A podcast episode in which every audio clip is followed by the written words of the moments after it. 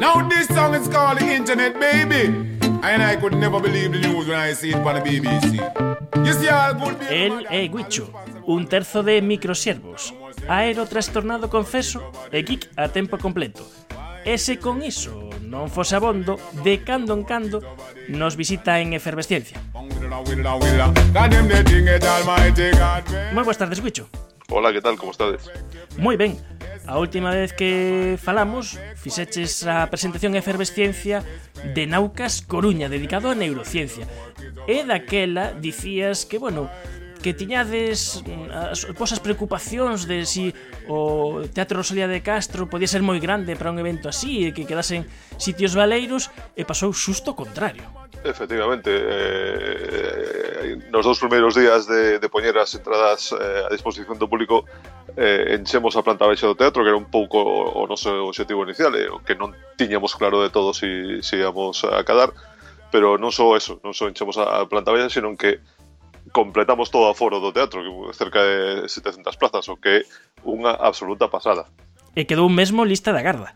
Sí, hubo lista da garda eh, nos últimos días que se estuvo a mover porque, bueno, eso, eh, parece que, que o programa interesou a xente e, bueno, en, en seguidilla quedamos eh, sin plazas.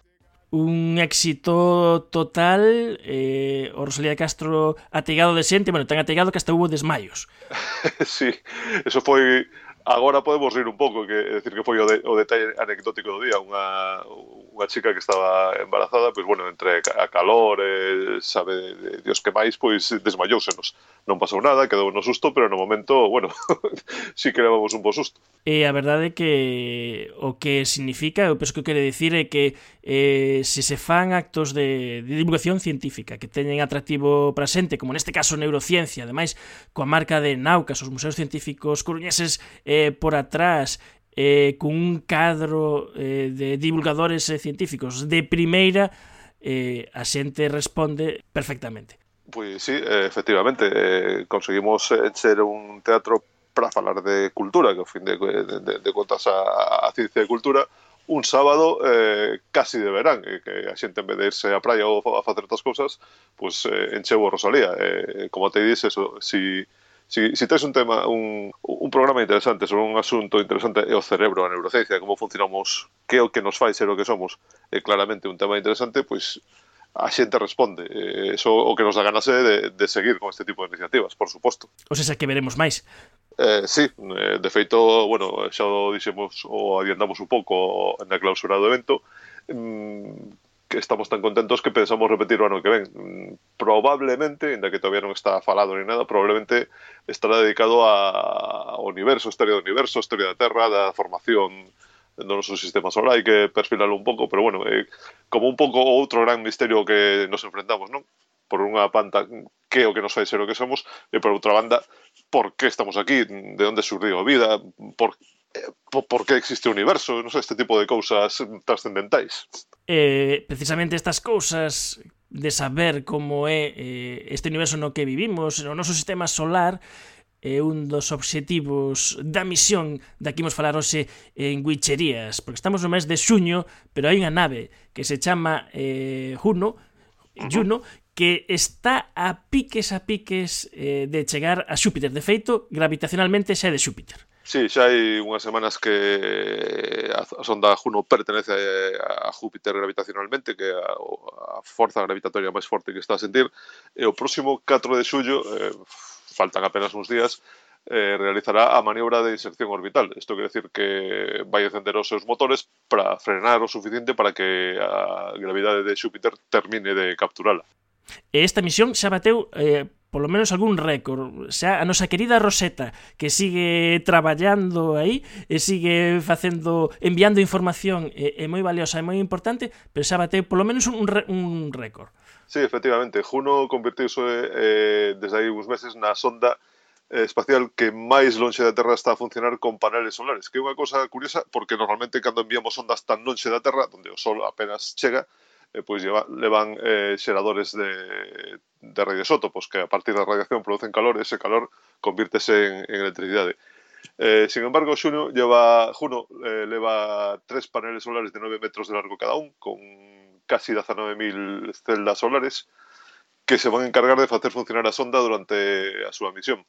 Estos paneles aquí na Terra producirían 14 kilovatios de, de potencia, pero como Júpiter está tan longe, eh, a potencia que reducida a 500 a 500 vatios, que é moi pouco, pero bueno, co, co diseño eh, tan eficiente que teñen os sistemas a bordo dos instrumentos, eh, co baixo consumo que teñen, é máis que suficiente. De 500 vatios, podemos pensar que son eh, cinco bombillas eh, das máis bellas, menos, das, das antiguas destas, das de 100 vatios, eh, a enerxía que, que utiliza Juno para funcionar, porque ademais, eu coido que todas estas misións sempre hai un lado, non sei se digo friki ou eh, simbólico de sempre meter eh, nestas ondas meter algo eh, que chama a atención. Cando eh, eh, New Horizons levaba aí as cinzas do descubridor de Plutón, que o que leva Juno.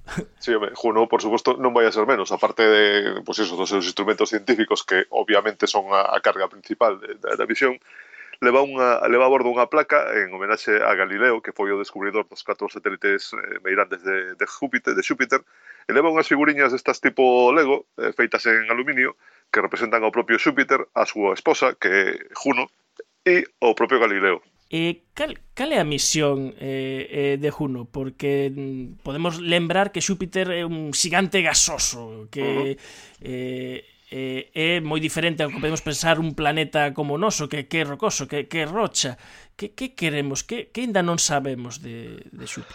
Bueno, un montón de cousas que non sabemos de Xúpiter. De feito, Juno vai a ser a segunda sonda que coloquemos eh, en órbita alrededor de Xúpiter. Eh, a primeira foi Galileo, que terminou a súa misión en 2003, e agora ven Juno. Juno vai eh, a estar en órbita polar, eh, pasando dun polo a outro do, do planeta, en eh, unha órbita elíptica, pero moi moi perto da, da atmosfera de, de, do planeta, a menos de 5.000 kilómetros en algúns en algunhas ocasións. Entón, o seu objetivo principal é estudiar a atmosfera do planeta e a súa estructura para intentar eh, aportar indicios sobre como se formou eh, e eh, evolucionou o planeta e tamén o sistema solar. Vai, eh, se podemos entender como se formaron os planetas, pois aver, eh, averiguaremos máis acerca da historia do planeta solar.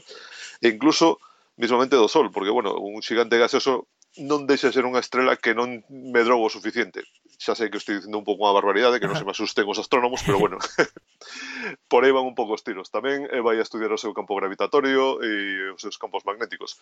E o que nos más, o que nos vais a gustar máis aos eh, espaciotas tornados, sen dúbida, serán as fotos da, da Juno Cam, a cámara que leva a bordo a, a sonda, que cunha resolución máxima de 15 km por píxel seguro que nos deixan eh, alucinados que vai cambiar probablemente a nosa imaxe de, do planeta de Xúpiter uh -huh. e ademais eh, para facer todas estas medidas hai que ir ben protegidos, hai que ir ben blindados. Efectivamente, eh, Xúpiter ten un campo eh, produce un, un, un, moita radiación entón eh, Juno e eh, os eh, seus sistemas e eh, os seus instrumentos a bordo van metidos dun, dentro dunha especie de cofre de titanio para para intentar soportar ese, ese ambiente tan de reacción tan forte, porque senón quedarían fritos eh, nada máis chegar, como que en di.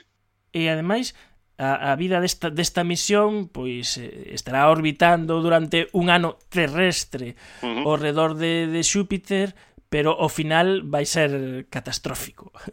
Sí, bueno, eh, imos facer con ela o mismo que fixemos no seu momento con Galileo, que é eh, facer que se precipite no interior da atmosfera do, do planeta porque a órbita que van a ter, que vai ter Juno é complicada de, de manter, necesita gastar moito combustible, entón calculase que lle vai durar un ano e pouco, eh, está previsto que para outubro de 2017 Juno termine, pois eso, precipitándose dentro da, da atmosfera do, do planeta, máis que nada por non deixala dando voltas ao seu arredor e que no futuro poida chocar cunha das, das súas lunas. Non queremos eh, cando vamos a excursión deixamos todo un pouco cheo de lixo, pois non queremos facer eso co sistema solar na medida do posible. A nova aeroespacial destes días é eh, Juno, Xuno, que anda á conquista de Xúpiter. Viaxe fascinante que nos contou en detalle Javier Pedreira, Guicho. Moitas grazas por atendernos unha vez máis. Grazas a vos.